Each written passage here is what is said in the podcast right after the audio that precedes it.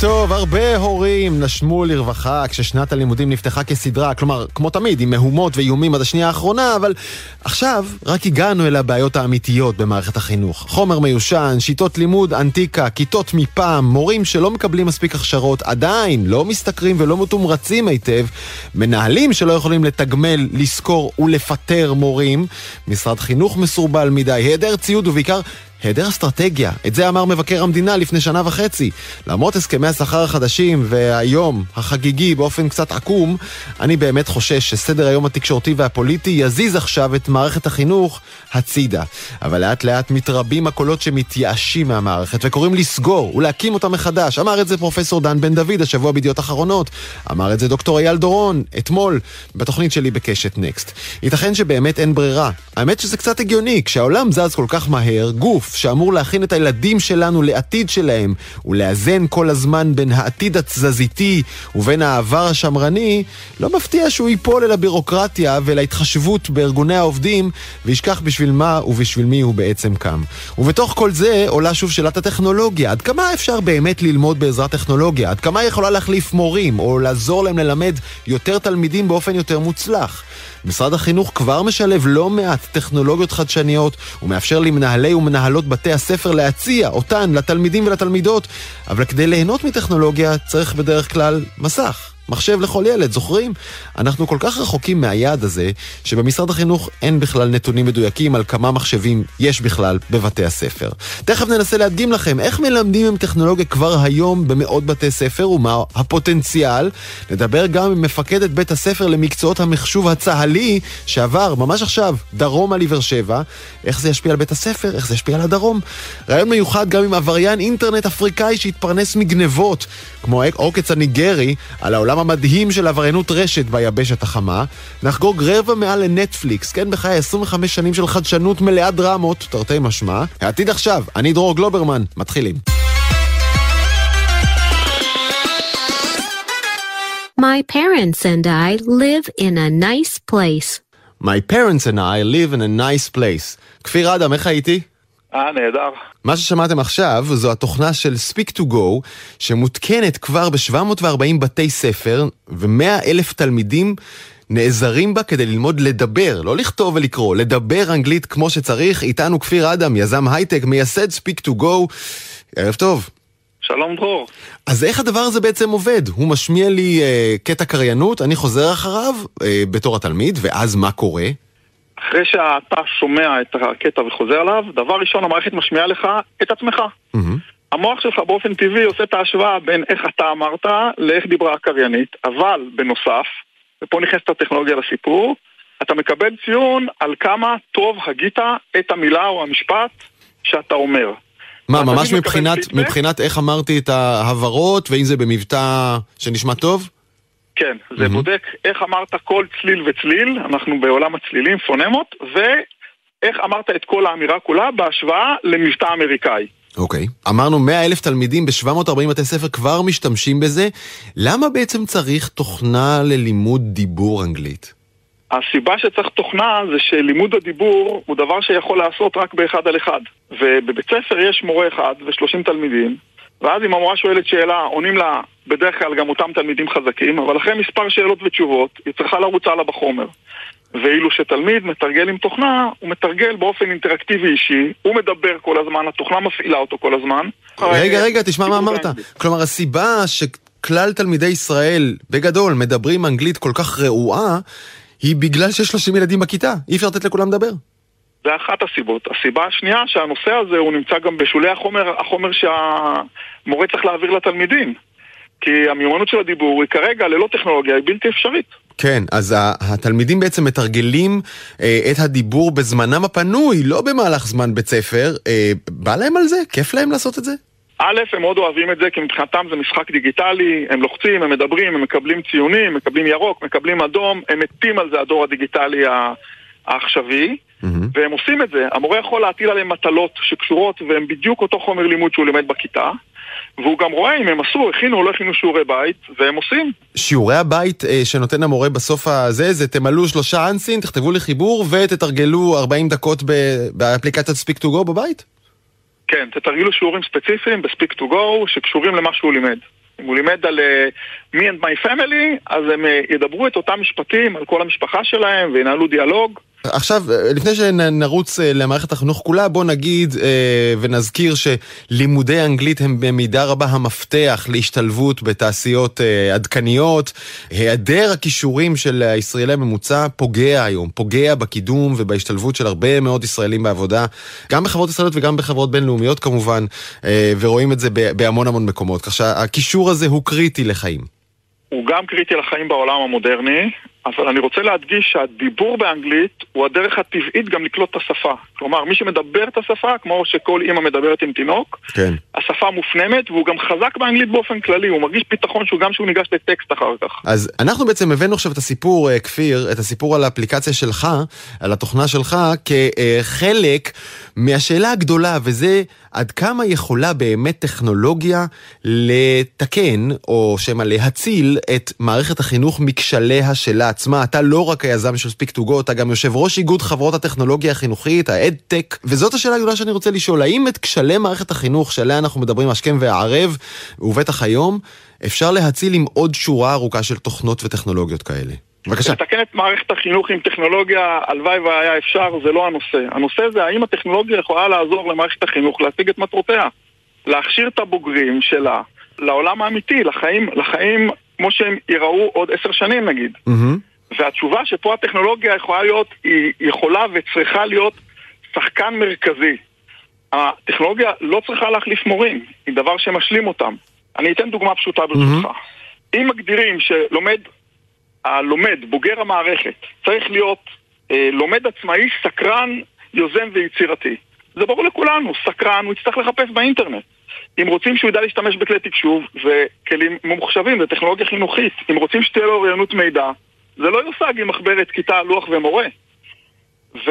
או אם מדברים על למידה שיתופית, עם כל, הק... עם כל המשמעות הרבה שיש לאינטראקציה הבין-אישית, זה דבר שהיום כולם ברור להם שהם ישיגו באמצעות זום, באמצעות מסמכים משותפים. לכן הטכנולוגיה היא מאוד משמעותית לכל מיומנויות המאה ה-21, והתחלתי דווקא מהם. אם נחשוב על המיומנויות בסיס, אה, הלימוד אנגלית, לימוד מתמטיקה, אה, התחזקות במדעים, פתרון בעיות באמצעות מחשבים, בדיוק אותם פרמטרים שנמדדים בכל המבחנים הבינלאומיים שאנחנו הולכים ומידרדרים בהם. הטכנולוגיה, כשהיא עוזרת למורה, יכולה להעלות את הרמה בצורה בלתי רגילה, ואנחנו רואים את זה בכל, אה, בכל challenge, בכל מבחן, בכל, בכל ניסוי שמערכת החינוך עושה, ששימוש בטכנולוגיה מקדם מאוד את התלמידים גם בנושא המיומנויות. כן, עכשיו, לא המערכת שלך כבר משולבת, כן. אמרנו, ב-740 בתי ספר, אבל בוא נדבר רגע על מערכת החינוך כולה, לאורך ולרוחב, 5,208 בתי ספר, 2 מיליון וכמעט וחצי תלמידים. מה מקולקל שם? טכנולוגיה זה שרשרת של דברים שקשורה לתשתיות. אז אם מדברים על רוחב הפס בבתי הספר, אם מדברים על רמת המחשוב, מצב מאוד מאוד לא טוב במרבית בתי הספר. גם נעשים צעדים בכיוון. בנושא המחשוב האישי לתלמידים, אנחנו לא בכיוון הנכון, אין מספיק תקציבים, אין בכלל מגמה לצייד את התלמידים, ופה הפתרון כבר נמצא, זה הטלפון שנמצא בכיס של התלמיד, יש מחשב מצוין לכל תלמיד. זה, זה, זה לגבי ציוד, מה לגבי המורים עצמם? המורים זה קצת מתפלג, אה, ויסלחו לי המורים הוותיקים הטכנולוגיים, זה מתפלג קצת לפי הגיל. ככל שהמורים יותר צעירים בהכללה, המורות, הן יותר נוטות להשתמש בטכנולוגיה, זה יותר ברור להם מאליו שזה כלי הכרחי. ככל שהמורות יותר ותיקות, קצת יותר מתקשות, פחות נוטות לאמץ, הם לא גדלו על זה, אין מה לעשות. ומבחינת תקציבים, זה, שם יש את ההקצנה הכי גדולה, שבעצם בעוד שתלמיד עולה בערך 25,000 אה, שקלים, פלוס מינוס לשנה, לטכנולוגיה חינוכית מקצים 17 שקלים. אתה תקנה את כל התוכנות שהתלמיד צריך ב-17 שקלים. 17 שקל לתלמיד. אתה, אתה, אתה, אני מניח כאיש עסקים אומר לי, סביב זה אני לא יכול לבנות לך מוצר. סביב זה אני לא יכול לבנות לך מוצר. טוב, מה, איך, איך תחושותיך ב-1 בספטמבר? אה, אופטימיות? אנחנו בכיוון הנכון או הידרדרות? אני אפתיע אותך, אני חושב שקרו פה דברים נהדרים בתקופה האחרונה. Mm-hmm. שאני חושב רק מהפרספקטיבה של uh, הכנסת טכנולוגיות חינוכיות. כן. הדברים הטובים שקרו, יש החלטה שהיא בתהליך יישום של להביא סיב אופטי לכל בית ספר, שלא נחיה באשליות, זה לא שביום שהסיב יגיע לבית ספר הכל יקרה, יש רישות פנימי, יש לקנות ציוד, יש לשנות מנטליות, לעשות וי-פיי בבית ספר, אבל אנחנו בדרך הנכונה. הדבר השני הנפלא שעשו, זה עכשיו דאגו שכוחות טובים ייכנסו להיות מורים צעירים, ומורים צעירים שווה שימוש בטכנולוגיה. וזה מצוין. והדבר השלישי המצוין שנעשה, ואני רוצה פה לחלוק על, אה, על אה, אמירות אחרות, mm-hmm. מערכת גפן, הרעיון של הגפן, של הגמישות הפדגוגית הניהולית, זה מהלך בלתי רגיל. הוא העביר את כל המשאבים למערכת אחת מרכזית, שגם אם יש לה מחלות ילדות, היא תיצור שקיפות, היא תיצור בהירות, היא תיצור קלות בהתנהלות, והדבר היותר חשוב, זה העביר את הכוח למנהלי בתי, בתי הספר. נתן להם תוספת תקציבית לקנות מה שהם חושבים שיקדם את הילדים. כפיר אדם, אה, אתה, אתה מביע אופטימיות, זה יפה, חשוב גם ב, אה, ביום הזה. אה, יש עוד המון המון מה לעשות. אגב, צריך להגיד, אתה גם מכיר את זה ו, וגם אני, כל הטכנולוגיות כבר נמצאות. בטח בישראל יש פיתוח תוסס של אין ספור תוכנות כמו התוכנה שלך שהדגמנו שיכולות לעזור לתלמידים. השאלה איך מקצרים את הדרך בין הפיתוח שלהן אה, לבין בסוף מה שנכנס לתוך הראש ולתוך החוויה אה, של התלמיד והתלמידה. כפיר אדם, יזם ספיק טו גו ויושב ראש איגוד חברות טכנולוגיה חינוכית, תודה רבה, שתהיה שנת לימודים טובה. תודה דרור, שתהיה לנו שנת לימודים נהדרת ופוריה. זוכרים את הימים שבהם מישהו שיש לו מנוי נטפליקס היה ממש מגניב, ורוב הישראלים עוד ניסו להבין מה זה ואיך זה עובד בדיוק? אז לפני שש שנים נכנסה נטפליקס לישראל באופן רשמי, והשבוע היא חוגגת 25 שנים להיווסדה. האם אפשר עוד בכלל לדמיין איך נראו החיים שלנו בלעדיה? אבל יש לומר את האמת, אלה היו 25 שנים סוערות מאוד עבור נטפליקס, סוערות גם עכשיו, כשהמתחרה דיסני פלוס עושה לה צרות. האם השיא של נטפליקס מאחוריה? שאלת ה-100 מיליארד דולר, דרור, אבל uh, אם משהו לימד אותנו ב-25 שנות פעילות של נטפליקס זה שמוקדם מאוד להספיד אותה ושקשה מאוד לשים את הז'יטונים נגדה. אורן רוזמן, שותף מוביל בתחום המדיה בדלויט ישראל, בוא, בוא נזכיר רגע, מה הייתה נטפליקס לפני 25 שנה ודרך החתחתים שהיא עברה עד ל-2022?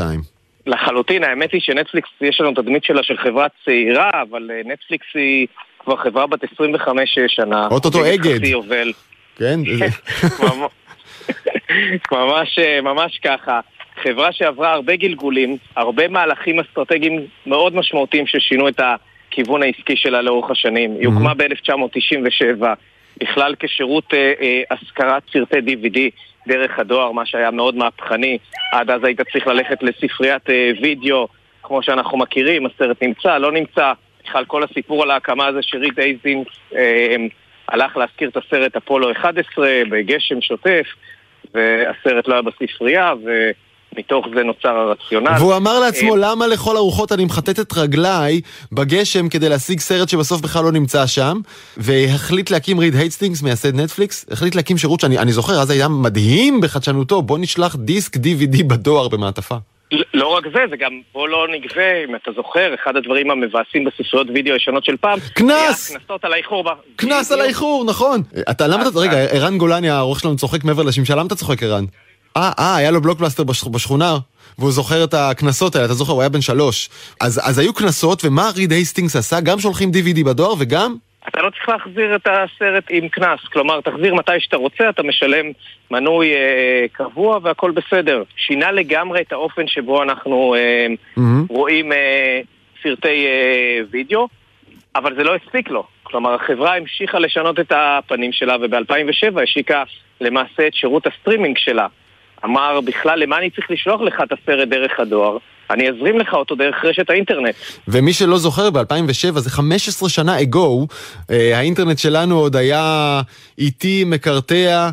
לדמיין שאפשר להזרים שם וידאו לכולם ב-HD זה היה פנטזיה. בדיוק, בדיוק. זה יהיה לקומץ משוגעים, לאף אחד אין אינטרנט שתומך על זה, אבל uh, הוא ראה יפה מאוד את, ה, את החזון uh, קדימה. Mm-hmm. אבל בעצם אולי אחד השינויים המשמעותיים היה בשנת 2012, כשהחברה הבינה שזה לא מספיק לקנות תוכן טיר uh, 2 לשידורים חוזרים מהנטוורקס הגדולים, אלא נכנסה בעצמה לתוך uh, עולם ההפקות, שמה בידיים של דיוויד uh, פינצ'ר, uh, שמועדון קרא, החטאים, מאוד מוערך, וקווין ספייסי, סכום כסף אדיר להפקה שהיא לא לקולנוע, והפיקה את בית הקלפים. לא רק זה, היא גם שמה אותו בבינג', מה שהיה נראה טירוף לחלוטין. מה זאת אומרת? המשתמשים יראו את כל הסדרה וינטשו אותך מחר בבוקר. שני דברים ששינו לגמרי את האופן שבו אנחנו צורכים כן. אה, תוכן. רגע, בוא, בוא, בוא נזכיר כמה זה היה דרמטי. עד אותו רגע נטפליקס הייתה רק המשגרת, המפיצה של התכנים אליך הביתה. זה דומה לרגע שבו נגיד המכולת יחליט שהוא מתחיל לייצר מעכשיו בעצמו לחם וטחינה וחומוס וירקות, ומגדל ירקות כדי לתת לך את הסנדוויץ' הכי טוב בעולם, נכון? בדיוק, לחלוטין, יופי של הגבלה, וזה היה מהלך מאוד דרמטי, כי באמת עד אז נטפליקס לא התחרתה ישירות בחברות הכבלים, היא בעצם אמרה להם, אתם משדרים את התוכנית בפעם הראשונה. אני המחסן שלכם. אנחנו נהיה עוד מקור הכנסה, בדיוק, אני עוד מקור להכנסה, אני על השולי. מייצר לכם עוד הכנסה, וריד אייסטין כל הזמן הקפיד, גם ברעיונות וכולי, לא לצייר את עצמו כאויב או מתחרה של חברות הטלוויזיה המסורתיות, אלא יותר כמשהו משלים להם. כן, ו- אה, ו- ו- ויום אחד לקום ולהגיד, אני לא רק המחסן לצפייה נוספת, אני אייצר תוכן, אני אלך על הראש שלכם, אכנס לתעשייה חדשה של איך עושים קולנוע וסדרות, ואעשה את זה יותר טוב מכולכם. חתיכת אומץ. חתיכת אומץ, והוא גילה את האומץ הזה לא מעט פעמים במהלך המסלול אה, ההיסטורי של, אה, של נטפליקס. אגב, אני- אני חושב שהיה, אולי זה עדיין נכון, היה רגע אחד אה, שבו פורסם, פורסמה סטטיסטיקה שרוב תעבורת האינטרנט בארצות הברית, או אפילו בעולם, היא סרטים של נטפליקס. נכון, רבע מהתעבורה לפי כל מיני רבע? אוקיי. אה, אבל זה הצרכן המשמעותי ביותר של תעבורה. לא רק זה, אנחנו זוכרים כולנו שבזמן הקורונה ממשלות פנו לנטפליקס אה, נכון. את... אה, גם בישראל, תורידו את האיכות של הסרטים, כי אין לנו מספיק אינטרנט לכולם פה, במדינה. נכון, נטפליקס בעצמה הקריסה את האינטרנט בחלק גדול מהמדינות. מטורף. כי, ו- וזה, אתה יודע מה, זה קשור להרגל אישי שכולנו מכירים, וגם הוא נולד בנטפליקס, וזה הבינג'. תראה פרק אחד, והופ הופ לא שמת לב, השעה 5 ו-12 דקות לפנות בוקר, ואתה מסיים את הפרק השביעי. נכון, דרך אגב זה לא רק הבינג', זה כל הממשק של נטפליקס נועד לזה שאתה לא תפסיק אה, לצפות. זה המעבר האוטומטי לפרק הבא, זה ה-skip the intro, זה הדלג על ההקדמה. כל הדברים האלה שנועדו לנו פשוט להמשיך ברצף אה, לצפות. ש- שווה להגיד שיש עליה לאורך השנים גם הרבה ביקורת על אה, מנגנון אה, המלצת הסרטים והסדרות שלה, שהוא לא משהו, נכון? כש- כשאני פותח את נטפליקס ומחפש מה לראות עכשיו, אני הרבה פעמים אמצא את עצמי בוהה בחוסר אונים ביותר מדי אופציות שאף אחת לא נראית לי מתאימה לי. לחלוטין, תראה, צריך להגיד את זה, נטפליקס מלכתחילה קמה בבסיס שלה כחברת טכנולוגיה. ואמרה אנחנו ננצח דרך הטכנולוגיה ודרך האלגוריתם. זה הלך עוד מהימים של שירות ה-DVD שלהם עד הבית גם במנגנון של אנחנו נדע איזה סרטים אה, להמליץ לך ונדע לנהל את המלאי דרך העדפות הצרכנים ודרך אגב עד הניהול של המחסנים הלוגיסטיים שלהם שנחשבו עוד ומופת, בלוקבאסטר ניסו לחקות את זה ולא הצליחו לחקות את היעילות שהם הצליחו לייצר ובאמת יש הרבה ביקורות על המנגנון הזה שלהם, של ההמלצות והאלגוריתם. מה שבטוח זה שנטפליקס מתייחסת לזה כנכס הליבה שלה וכיכולת התחרותית המבדלת המרכזית וואלה. שלה מה, מהתחרות. עכשיו בוא, בוא נקפוץ קדימה, קדימה, קדימה לסתיו אה, 2022, אה, כשדיסני עוקפת אותה לראשונה, אה, וכשמנגנון הפרסומות אילץ את ריד הייסטינגס, המנכ"ל והמייסד המיתולוגי, לעשות חתיכת פניית פרסה מפוארת. לחלוטין, זה אחת מפניות הפרסה העסקיות המהירות והמשמעותיות שאני זוכר. זה היה אנחנו לא נשים פרסומות, זה לא מתאים לקהל שלנו, ואנחנו קשובים לקהל ואנחנו... אה, נשים פרסומות. במנטרה שאנחנו לא נשים ספורט ונראה גם לאן זה יתפתח. מהמם. אבל uh, אני חושב שכרגע ההכרזה שלהם בכניסה לפרסומות, יש בה איזה משהו של שינוי היסטורי, כי עד היום נטפליקס ברוב המהלכים העסקיים המרכזיים שלה הייתה מובילה, הייתה חלוצה, הייתה ראשונה. פה הם follower, הם עושים את זה אחרי רוב חברות הסטרימינג, כולל דיסני שהכריזו לפניהם על, על הכנסת אה, פרסומות ועל מנוי אה, מוזל. זהו, רגע, בוא, בוא נזכיר איך זה יעבוד. היום נטפליקס זה באמת שם נרדף לצפייה ללא הפרעה וללא שמץ פרסומת, כי אני משלם את כל המנוי, שעולה, אם אני לא טועה, בישראל כזה 15, 17, 18 דולר בחודש, נכון? 50 שקלים, משהו כזה? 50 שקלים ממוצע, 60 פרימיום, אז אה, איך, איך יעבוד אה, מנוי עם פרסומות? א', יש כל מיני ספקולציות. אה, קודם כל, דרך אגב, צריך להגיד שאחד הדברים המעניינים הוא הבחירה שלהם בשותף האסטרטגי במייקרוסופט. הם לא הלכו על שחקנים אה, קיימים בשוק הפרסום, גוגל שהם היו איתם במשא ומתן, הלכו עם מייקרוסופט, אה, אולי חברת הטכנולוגיה המובילה בעולם, והם לדעתי הם הולכים להביא פה שוס טכנולוגי ב... בפתרון. לא, לא, אבל ברמה הצרכנית. אני, אני בבית, אני עדיין אמשיך לשלם 50-60 שקלים לחודש, רק שפתאום גם יקפצו לא. לי פרסומות? לא. לא, אז, אז המנוי יהיה מנוי מופחת, הספקולציות כרגע מדברות על 8-9 דולר, לעד 4 דקות פרסומות בשעה, אבל באמת כרגע הכל אה, ספקולציות בהיבט הזה. תראה, לנטפליקס יהיה אתגר. נטפליקס יושבת, היא כבר לא המתחרה החדש שאין לו מה להפסיד, היא זאתי שיושבת על ה base של המנויים, על 220 מיליון אה, מנויים, ויש לה מה להפסיד. אם מנויים יזלגו בקצב גבוה לשירות המבוסס פרסומות וישלמו פחות, אז יצא שכרה בהפסדה. המטרה שלה היא להגדיל את בסיס המנויים דרך המצב הזה, דרך המהלך הזה, mm-hmm. לא פשוט אה, לשנות את המיקס שלו. מה יכול לחלץ אותה מהמשבר שבו היא נמצאת כרגע, גם מול אה, דיסני שבעצם גנבה לה את הבכורה? קודם כל צריך להגיד, באמת השוק אה, השתנה לחלוטין. נטפליקס היא כבר לא בודדה בזירה, וזה דיסני פלוס, אבל זה עוד אה, שירותים אחרים. זה פרמונט פלוס, השירות של וייקום CBS, זה HBO Max, שגם הולך להיות משהו גדול יותר, אחרי המיזוג של וורנר ודיסקאברי, מתכננים שם השקה מחודשת של משהו הרבה יותר משמעותי. אמ, אנחנו בתחרות במשקל כבד, עם שחקנים מאוד חזקים. אמ, נטפליקס יש לה עדיין את היתרון התחרותי, עדיין יושבת על בסיס מנויים משמעותי מאוד, הוא כבר לא הכי גדול, למול אה, קבוצת אה, דיסני, אבל 220 מיליון מנויים זה עוגן משמעותי, עדיין מטבע לשון, Netflix and chill, כל המטבעות לשון האלה ש, אה, שנטפליקס אה, קבע, היא עדיין יושבת בשלטים של רוב אה, יצרני נכון. הטלוויזיה. זה, זה יתרונות תחרותיים מאוד משמעותיים, וזה ילך לשני כיוונים. פעם אחת אין מה לעשות, התוכן הוא המלך, content is king זה תמיד נכון, בלי להיטים כמו משחקי הדיונון או Stranger Things, קשה מאוד לשמר אה, הובלה בשוק הזה, כשהוא כל כך תחרותי, והם יצטרכו גם להביא את ההברקה העסקית הנוספת בתוך ה... בתוך המודל העסקי. אם אני אנסה לסכם את זה מהזווית ש, שלנו הצופה, אז אולי אנחנו מרוויחים כי כמות ההשקעה הכספית בכל פרק ובכל סדרה עלו דרמטית, נכון? מאיזה 20-30 מיליון דולר לסדרה, היום כבר בקלות אתה רואה את המספרים האלה עפים על פרק אחד. אה, תקן נכון. אותי אם אני טועה, ומצד שני, אני הצרכן כבר מרגיש שלהחזיק רק נטפליקס אחד, זה לא עובד, אני צריך להחזיק גם נטפליקס וגם דיסני וגם אפל ואולי גם HBO וגם אמזון, וכל אחד זה לוקח את ה-50-60 שקלים שלו בחודש. אה, חזרתי עוד פעם להעיף את אותם 300 שקל ששילמתי להוט לפני 5-10 שנים. זה, זה לחלוטין, רק שאתה מפצל אותם על פני הרבה חשבונות ואתה כל פעם צריך להתכנס לממשק חדש. בדיוק הראו בארצות הברית שאתה צריך 112 דולר בחודש לשלם בשביל להיות מנוי לכל שירותי הסטרימינג המרכזיים, כלומר לכל אלה שציינו. יש uh, פה מורכבות צרכנית, uh, דרך אגב, כמו הרבה פעמים שהאינטרנט uh, או החדשנות הביאה איזו בשורה צרכנית מאוד טובה ואחרי זה הצרכן התחיל במידה מסוימת גם לשלם מחירים על, ה, על החדשנות הזאת. Uh, השאלה הגדולה כרגע היא איך השוק הזה יסתדר. האם אה, אנחנו נלך למצב שמישהו יעשה אגרגציה של כל השירותים האלה וימכור אותם לצרכן כן. בחבילה אחת? אה, האם אנחנו... השוק הזה עדיין כאוטי, הוא עדיין לא יסתדר תחרותית. ואין לדעת אם אי פעם יסתדר, כי אתה יודע, הטכנולוגיה רצה קדימה, ובעוד אנחנו חולמים על איזה סדר, ה disruption הבא תמיד אה, נמצא בפתח.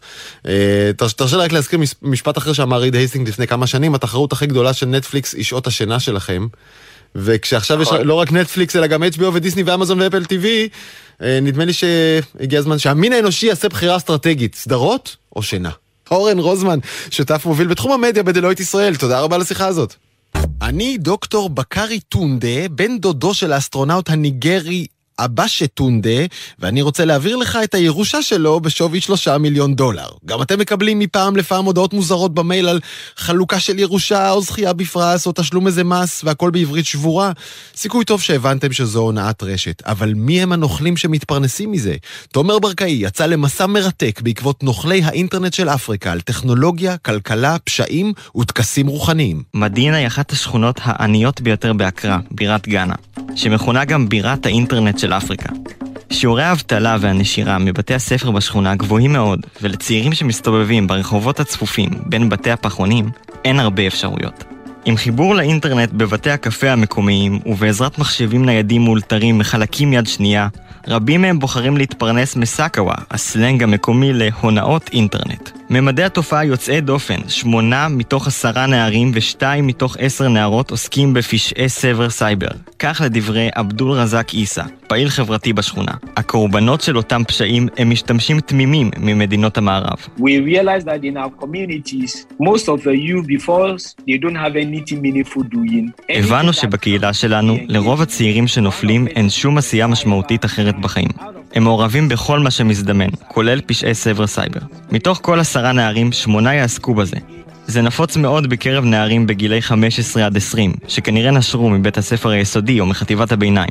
עם עוקצים מפורסמים כמו הנסיך הניגרי וחשבונות מזויפים באתרי היכרויות, מדינות מערב אפריקניות, ובמיוחד גאנה וניגריה, רכשו לעצמן שם עולמי בכל הקשור להונאות אינטרנט. הונאות ממדינות אפריקה הן בעיקר מכיוון גאנה, ניגריה, חוף השנהב. הונאות שהן בעצם אה, לרוב על רקע רומנטי, זה אתרי היכרויות, עוקץ ניגרי, ששולחים לך, אני איזה נסיך או משהו כזה ויש לי מלא כסף, אני צריך שתעזור לי להעביר את זה מנקודה א' לנקודה ב'. יש גם אה, הונאות ירושה, זה כן מאוד משפיע על ישראלים. בעיקר ראינו שהייתה עלייה בתקופת הקורונה כשהיה סגר. מסבירה אנה בורקובסקי, קצינת הציות של חברת GMT.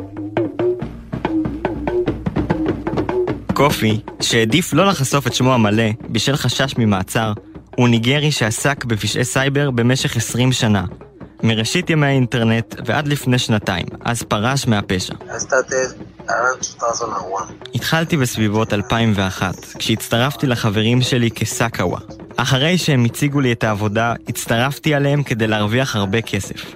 עבדתי כמדפיס וראיתי את זה ככמות עצומה של כסף.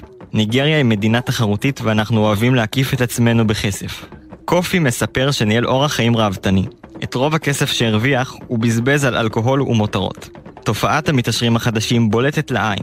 מכוניות יוקרה החלו להופיע בשכונות העוני של מערב אפריקה, ואחוזות מפוארות נבנות לצד הפחונים. הכל מרווחי הסאקווה, הכינוי להונאות אינטרנט שמקורו בשפת ההאוסה. זה לא רק עיסוק, אלא גם סמל חברתי. הם חיים חיי מותרות. קונים מכוניות, הולכים למועדונים וקונים שעונים ובגדים יקרים. הם רק מבזבזים את הכסף, בלי לעשות איתו שום דבר הגיוני, מתאר ג'יימס בוטנג, מנהל ערוץ החדשות אקנו בטבעי. איך זה עובד? קופי הרוויח כסף באמצעות קניית כרטיסי אשראי גנובים מאתרים בדארקנט, הרשת האפלה. הוא מספר על שיתוף הפעולה שלו עם האקרים רוסים.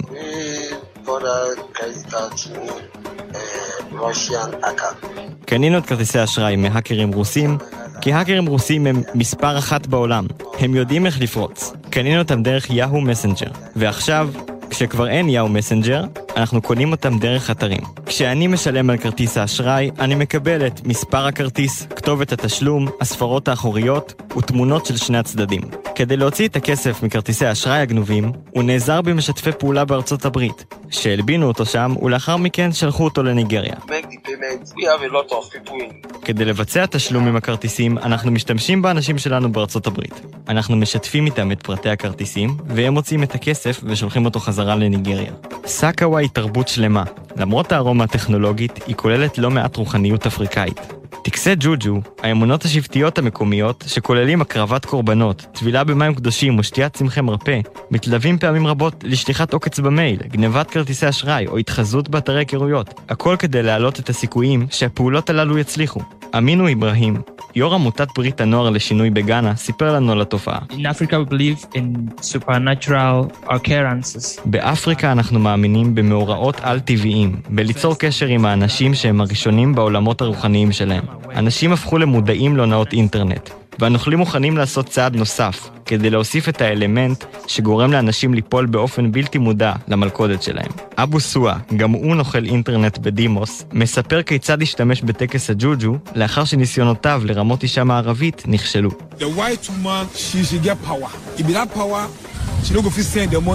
לאישה הלבנה יש כוחות, ועם הכוחות האלה היא לא שולחת את הכסף שאתה מנסה להשיג ממנה. חציתי שני נהרות כדי להגיע לכפר מיוחד, בו ישנתי לראשונה בתוך ארון קבורה. אחרי זה היא שילמה לי את כל מה שביקשתי ממנה.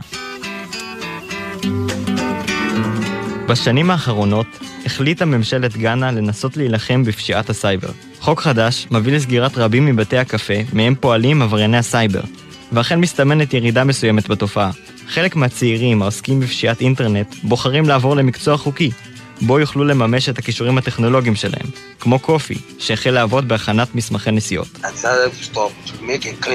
החלטתי להפסיק ולהתחיל להרוויח כסף נקי, כי הבנתי שגנבת הכרטיסים גורמת לאנשים לבכות. במקום גנבה, החלטתי להכין מסמכי נסיעות. אתה רק שולח לי את השם ואת המידע בדרכון, ואני מזמין מלונות, כרטיסי טיסה ותשלומים על כנסים. הבנתי שכשאתה יודע איך לעשות את העבודה שלך, אנשים יבואו. עם זאת, עם גירעון של 55 מיליארד דולר ושירותי חינוך ורווחה לוקים בחסר, לממשלת גאנה יש משאבים מוגבלים כדי להילחם באופן יעיל בתופעה המטרידה. כשיכולות טכנולוגיות פוגשות עוני וייאוש, נראה שפשעי האינטרנט עוד רחוקים מסיום.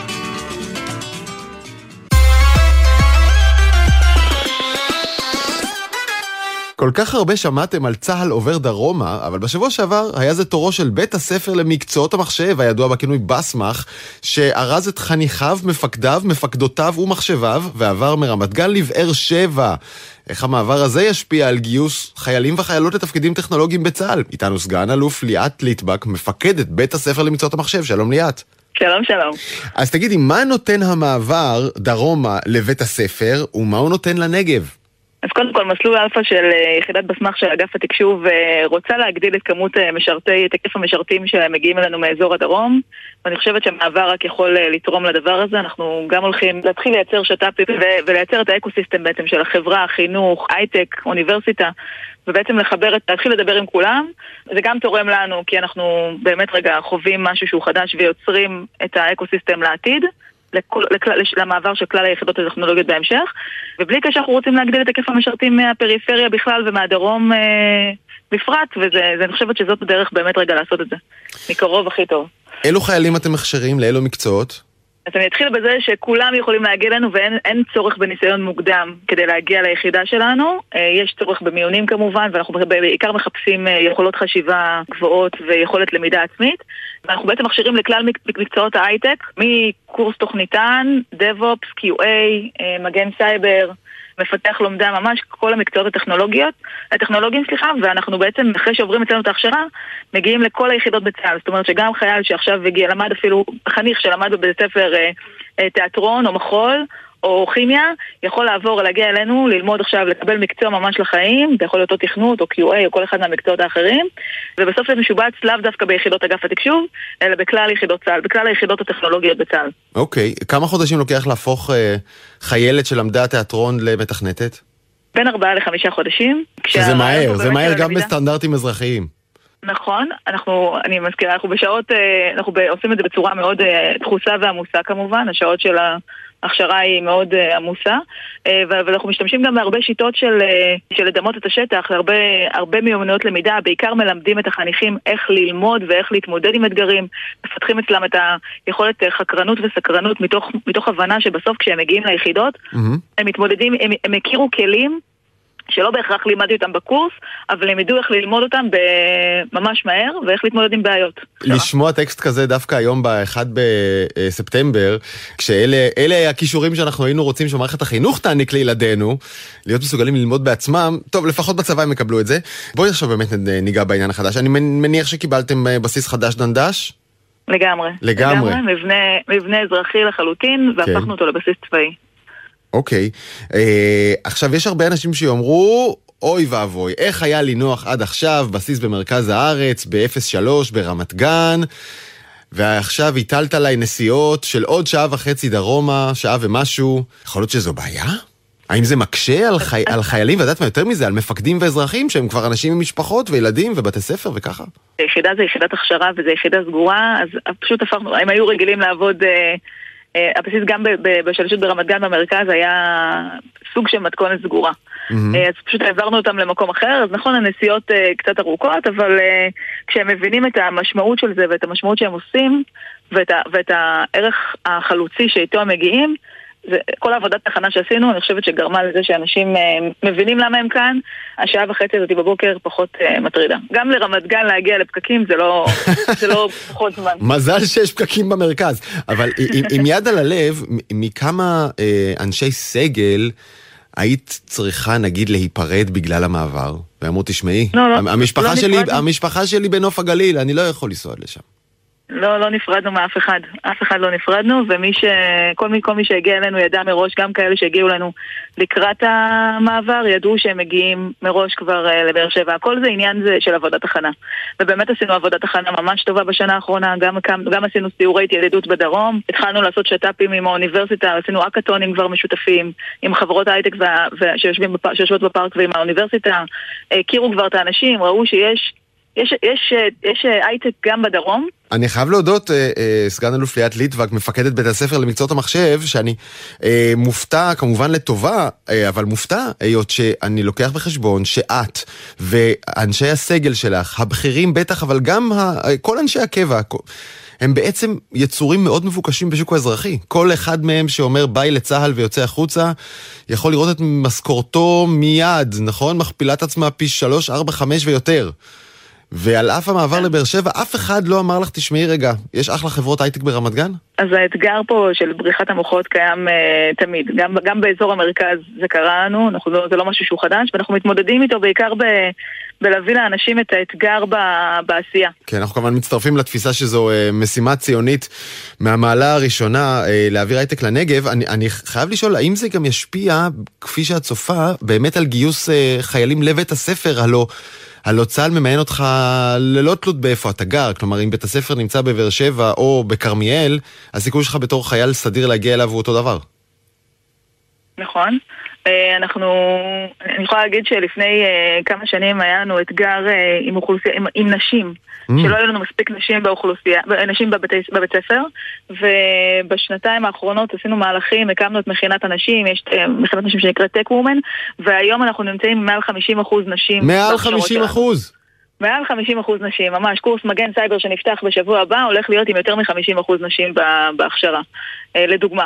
אבל זה נכון לכל ההכשרות אצלנו. אז אותו דבר גם בהיקף המשרתים שמגיעים מהפריפריה בכלל. היום אנחנו באמת באחוזים יחסית נמוכים, אבל mm-hmm. כמו, ש, כמו, ש, כמו שעמדנו באתגר האנשים, אני...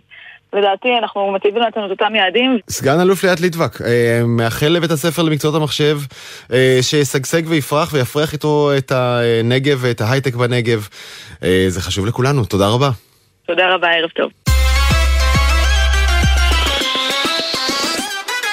לפני שנה וחצי דיברנו על ההתפטרות הגדולה, עזיבה המונית של עובדים, מבוגרים וצעירים, וכולנו הרגשנו את זה. אין מלצרים, אין פועלים, אין עובדים בנמל, אין מורים. עכשיו מדברים על ההתפטרות השקטה. כבר שמעתם על זה? בימים האחרונים עסקו בכך העיתונים החשובים בעולם, אחרי גם כמה עיתונים בישראל. מה זו התפטרות שקטה? התפטרות שקטה זו בעצם חלק מהשאיפה של העובדים ליותר גמישות. דוקטור לילך לוריה, מרצה בכירה בחוג ללימודי עבודה באוניברסיטת תל אביב. יש כאלה שיאמרו שזה שם חדש ליותר עצלות. אני רואה את זה כבעצם איזשהו רצון של העובדים ליותר גמישות, רצון שהוא לא חדש, ראינו אותו עוד, עוד לפני הקורונה, רצון לאזן, לאזן בין... בין העבודה לבין מה שנמצא מחוץ לעבודה, בין אם זה טיפול בילדים, פנאי, ספורט, כל פעילות אחרת מחוץ לעולם העבודה. Mm-hmm. כשהקורונה בעצם הראתה לנו שזה אפשרי, זה בהישג יד. ועכשיו אנחנו לא רוצים לחזור אחורה. כלומר, הקורונה הראתה לנו שמה אפשרי? שילוב אחר בין עבודה וחיים אישיים? גמישות בזמנים ובמקום של העבודה? נכון מאוד, נכון מאוד. גמישות גם בזמנים של מקום העבודה, וכשאני אומרת זמנים, אני מתכוונת לא רק לשעות, אלא גם יכולת לקחת כל מיני חופשות לכל מיני צרכים, כשהגמישויות האלה בעצם מאפשרות לנו בעצם כל מיני אה, איזונים שאנחנו, שאנחנו רוצים לעשות, ש, שהם גם בעצם גמישות. הגמישות הזו לאזן בין עבודה לבין משהו לא עבודה. אז למה קוראים לזה התפטרות השקטה? כלומר, מ- מי מתפטר פה בעצם? אני לא ממש רואה את זה כמו התפטרות, אבל יש כאן בעצם רצון של העובדים להציב איזשהו קו, איזשהו קו גבול חדש של איזונים. כשהם בעצם אה, אומרים בפועל או חושבים בפועל אם מקום העבודה לא עושה את זה, אם החקיקה בישראל לא עושה את זה, אם הסדרים במק... או במקומות אחרים, אם ההסדרים במקומות העבודה לבד לא עושים את זה, אז אנחנו נעשה את זה, אנחנו נהיה אלה שבעצם אה, נציב את הגבולות. Mm-hmm. זה כלומר, מגיע בעצם מלמטה. שהגבול זה למשל, אל דברו איתי אחרי, ש... אחרי חמש בערב. נכון מאוד. גם לא בוואטסאפ. נכון מאוד, הגבול יכול להיות, ואני חושבת שאנחנו רואים יותר ויותר אפילו בישראל מיילים כאלה של אני נמצאת בחופשה בלי מייל. כן, אני עכשיו מסתכל על ההתכתבות שלי עם ערן העורך, ואני רואה שאתמול סיימנו להתכתב ב-10 ורבע בלילה. אה, ואז, ואז אני עוד עשיתי את הטלפון עם אחד המרואיינים שלנו, אה, מה שהביא אותי בקלות ל-11 פלוס. אה, ובקיצור, אנחנו לא, אנחנו לא טובים, אנחנו לא טובים, ערן. את יודעת, אני תוהה אם זה לא בא גם מהמקום הכלכלי לגמרי, שבו לפחות לפי הנתונים הכלכליים בארצות הברית, הרווחים של החברות הולכים וגדלים, אבל שכר העובדים לא מתעדכן בהתאם, והעובדים עומדים מהצד ורואים איך פרי העבודה שלהם פשוט לא נשאר בידם.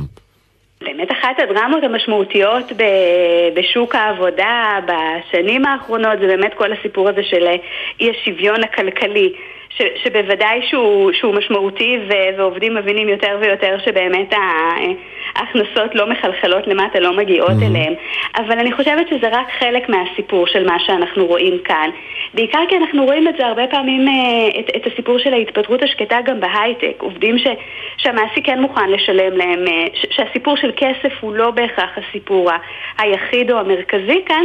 והעובדים אומרים אנחנו רוצים עוד דברים, אנחנו רוצים, אה, אנחנו רוצים גם משמעות וערכים ואנחנו רוצים גם, אה, גם גמישות. אני חושבת שהגמישות פה היא, היא, היא מאוד מאוד מילת מפתח, אבל הקורונה מאוד מאוד אה, השפיעה, חלחלה, ישבנו בבית, יכולנו גם לטפל בילדים, גם לעשות ספורט ו- ועכשיו אנחנו גם רוצים, אנחנו לא מוכנים לחזור לפקקים בתור נכון, שבעה ו- בתור חמישה ימים. ולתשע עד חמש. תגידי, איפה נמצא היום הדיון על פרודוקטיביות? כי אני זוכר שבתחילה, אני רק אעשה סיכום קצר שלפי הידוע לי, בתחילת הקורונה הייתה הפתעה של חלק ממומחי העבודה באשר לכמה פרודקטיביות בעצם אפשר להשיג גם כשעובדים מהבית וכשהמשרד, מקום עבודה, סגור, והיום נדמה לי קצת ההייפ דועך, כלומר כן יש כוונה להחזיר, להחזיר למשרדים, אנחנו רואים גם יזמים ומנהלים כמו אילון מאסק בספייסיקס ובאפל ובגוגל שאומרים לעובדים יאללה יאללה, חזרו למשרדים.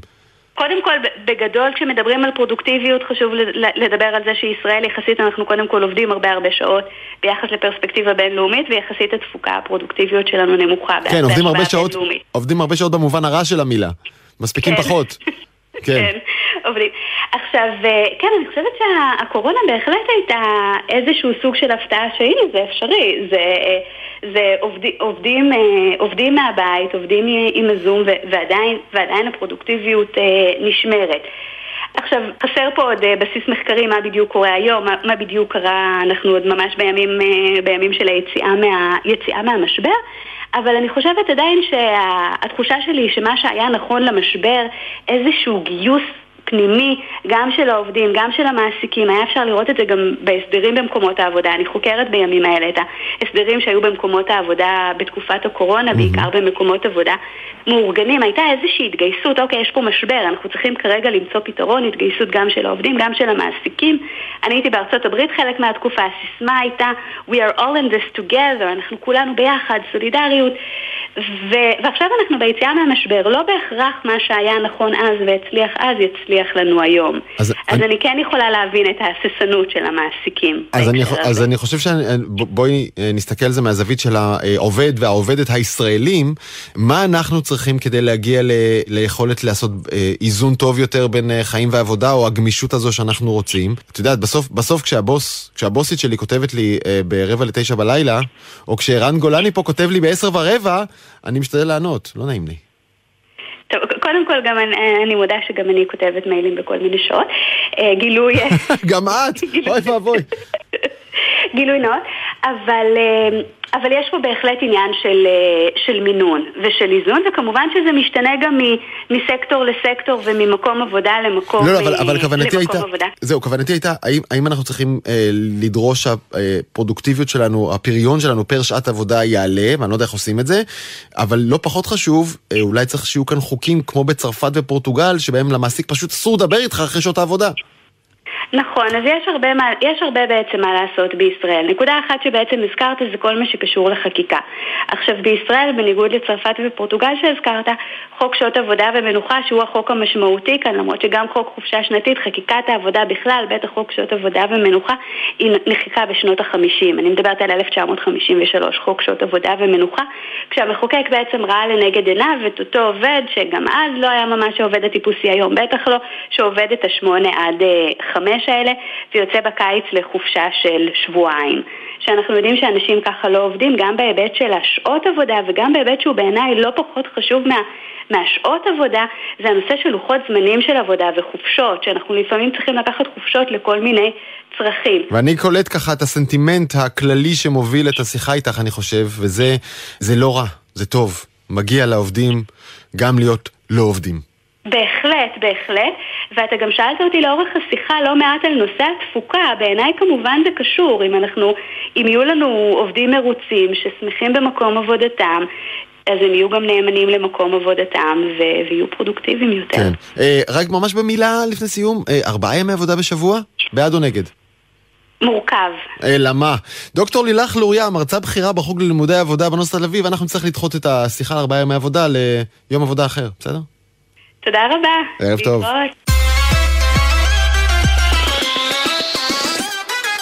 ועכשיו נחפזים אל כתבנו בדרום רמי שני, שעבורנו כמובן מגיש הפודקאסט מה שקורה מחר, אהלן רמי.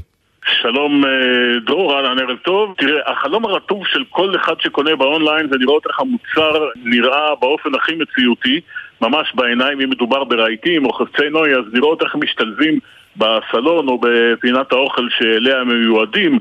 חנויות האונליין מנסות לפתור את האתגר הזה כבר הרבה מאוד שנים, לצמצם היסוסים ולעודד רכישה. בדיוק כמו שאיקאה, ששילבה את היכולת הזו באפליקציה שלה, לשים את הספה כבר בסלון ולראות. איקאה, איקאה כשנכנס לחנות אתה כבר uh, מהריח של מה שקורה שם, אתה אומר, אני לא יוצא מפה עם בידיים ריקות. אז זה בסדר. אז תראה, אחד הפתרונות הכי חדשניים זה צילום רב מימד. כלומר, צילום מכל הכיוונים, לראות את הפריט בכל הגדלים, בכל הצבעים. למשל, אם זה נעל, אתה רוצה לקנות נעל. אתה רוצה לראות איך היא תיראה לך על הרגל, אתה רוצה לקנות כורסה, אתה רוצה לראות איך היא נכנסת לך בדיוק לפינה הנכונה בתוך, ה, בתוך הבית. אז זה מה שחברת uh, הקסה um, עושה. בואו נשמע את uh, מנהל המוצר הזה של החברה, רן בוכניק. מסתכלים על תלתיסט, שזה מה שהוא עושה, הוא מייצר מודל תלת-ממדי בצורה ידנית, ואנחנו אומרים מה השלבים שהוא באמת עובר. ויש לו כמה שלבים, בסופו של דבר אנחנו אומרים, אוקיי, בוא תמשיך לעשות את השלבים האלה, ובכל שלב אנחנו נכניס כמה שיותר אוטומציה. אוקיי, אז אמרנו שהחברה יודעת להפוך כמה תמונות רגילות לתמונה תלת-מימדית, שאותה יוכל הקונה הפוטנציאלי לשלב אצלו בבית. אתה מעלה את הצילום הזה, את הצילום המעובד, לטלפון החכם, מסתכל על סביבת הסלון דרך המצלמה, האם זה רהיט למשל, או אל בן או בת הזוג שלך, אם החלטת להפתיע אותם בבגד חדש או על היד שלך, אם החלטת להפתיע את עצמך בכפפות או בשעון חדש, כל דבר אחר, ואז אתה בודק שזה אכן אה, מוצא חן בעיניך, וזה מספיק מוצא חן בעיניך כדי שתיפרד מהסכום המבוקש, ואז יש לך קישור למקום המתאים, אתה נכנס, עושה את הרכישה ומקבל את זה, אתה יודע, כמובן בדרכים המקובלות. אה, אתה צריך להבין שיש מקרה למשל שאתה שולח להם את התמונות כדרור שרוצה למכור, ואז אתה, ואז אתה מקבל את התמונה בחזרה כדרור שרוצה לקנות. אתה פשוט את התמונה אה, ששלחת, עשו עליה קסם והפכו אותה לתמונה תלת מימד. כל הפרטים בפרק 229 של ההסכת, מה שקורה מחר, שמחכה לכם בעמוד של גל"צ. ובכל מקום שבו אתם צורכים את ההסכמים שלכם. רמי שני, תודה רבה, ואיתך אנחנו סוגרים את העתיד עכשיו. ערך ערן גולני, הפיקו אביב פוגל ותומר ברקאי, על הביצוע הטכני אורי בן ישראל, אני, דרור גלוברמן, אתם מוזמנים לשמוע אותנו מתי שאתם רוצים בכל אפליקציות הפודקאסטים המקובלות, פשוט חפשו העתיד עכשיו. אני זמין להערות ולהצעות בדרור גלוברמן, בג'ימייל או בטוויטר. יאללה ביי.